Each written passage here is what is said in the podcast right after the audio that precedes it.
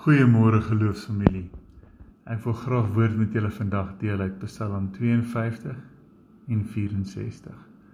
Ek wil hê julle moet Dawid se hart hoor oor hoe mense se woorde hom raak. Psalm 52 vers 4. Jy beplan verwoesting, jou tong is skerp soos 'n skeermes. Jy is 'n bewerker van bedrog. Jy verkies boosheid bo goedheid en leuns bo die waarheid. Jy geniet woorde wat vernietig en met jou tong bedrieg jy. Maar God sal vir jou altyd neergooi as jy jou gryp en jou uit jou woning uit wegsleep en jou ruk uit die land van die lewendes. Psalm 64. Beskud my teen sameswerings van kwaadwillige mense, teen die kwaadstokery van hulle wat onreg doen hulle wat hulle tong skerp maak so swaarde soos pile met bitter woorde skiet om uit hinderlaag op onskuldige te skiet om onverwags op hom te skiet sonder om bang te wees hulle spoor mekaar aan tot bose dade in die geheim beplan hulle lokvalle hulle vra wie sal dit ooit raak sien hulle beplan misdaad en sê ons het 'n volmaakte plan die mense gedagtes en bedoelings is inderdaad baie duister Maar God tref hulle met 'n pyl en skielik is hulle gewond. Hulle eie woorde laat hulle struikel. Elkeen wat dit sien, skud die kop. Dan sal almal vervul met ontzag getuig oor die dade van God en iets van sy werke verstaan. Die regverdige sal bly wees in die Here en skuilings soek by hom. Dis tot by vers 11. Hierdie is my verskriklik interessant want Dawid is seer gemaak deur mense se woorde. Die man wat vir Goliat die reus geveg het. Die Engelse sê sticks and stones may break my bones, but words will never hurt me. Miskien die ontbreek die woord physically aan die einde van daai sin. Want self hierdie legendariese warrior king sê oek eina. 'n Mens sien dit vandag ook nogal in die politiek met die trolle wat mense aanval. Maar gee my 'n oomblik om dit ook te verduidelik maar spesifiek die EFF en klop media instellings wat enigiemand of mense wat nie saam met hulle stem nie veroordeel aan die openbaar. Daar's so 'n klomp mense wat opspring en, en slegte goed oor hulle sê. So laat my gou 'n oomblik om dit te verduidelik. Die Urban Dictionary definieer 'n troll as 'n doring of 'n pyn op die internet te wees want jy kan. Tipies los hy een of meer siniese of sarkastiese opmerkings op 'n onskuldige bystander want dit is die internet en hy jy kan. Jy is mos nou nie regtig bekend nie.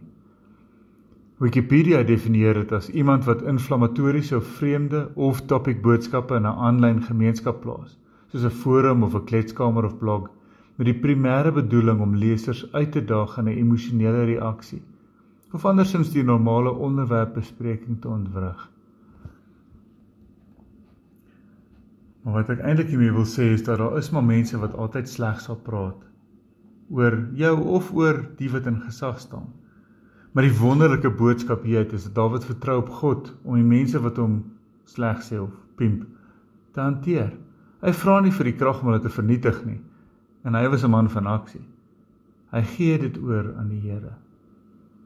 Net soos vandag dit onmoontlik is om met die trolle te beklei op hulle forum. Dis amper soos om jou met die semels te meng maar die varke sê jou vreed soos die ou gesegde gaan. Salomo sê dit baie mooi in Spreuke 13 vers 20. Hy wat met wyse mense meng, verkry ook self wysheid. Meng jy met dwaase en jy word soos hulle. Hier is 'n pragtige boodskap van selfbeheersing en sagmoedigheid en vertroue in die Here. Maar dis nie eintlik waar ek wil praat nie. Ek wil dit omdraai. Jy kan sien hier uit hoe woorde seermaak. Want selfs hierdie legendariese Dawid was hier deur seer gemaak en ons ook verskeie kere. In Spreuke 18 vers 21 sê Salomo: Die tong het mag oor die dood en die lewe.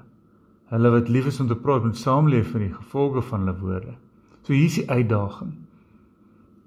Kom ons soek vir positiewe gevolge. Julle moet hierdie week probeer om ten minste met 3 mense te praat en hulle te bemoedig.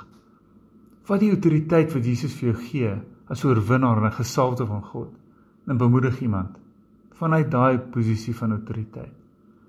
Sê vir die kwaai sekretaresse of die teller by Pick n Pay wat lyk asof sy na 16 uur lank werk dat hulle lyk vol lewe. Hulle lyk sprankelend en hulle het 'n mooi naam. Of sê vir iemand wat 'n post plaas op WhatsApp dat dit treffend is, gee hulle positiewe terugvoer. Dit was cool, ek het daarvan gehou.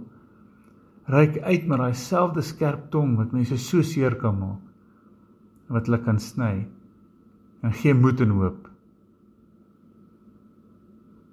Ek het 'n gebed vir ons. Vader, neem ons Here, bemagtig ons om hierdie week met die wonderlike gawe van van spraak maar ook meer van van wysheid en insig om vir mense te kan bemoedig, Here. Jy raak elkeen van ons, gee ons die woorde om mense op te bou. Here, gee vir ons daai persone, wys hulle uit vir ons sodat ons hulle kan raak en U Jesus liefde kan wys, sodat ons U liefde kan skyn in hierdie wêreld, dat ons soos ligtorings vir U kan wees. Dat ons U wil kan uitleef. In U naam, Here. Amen.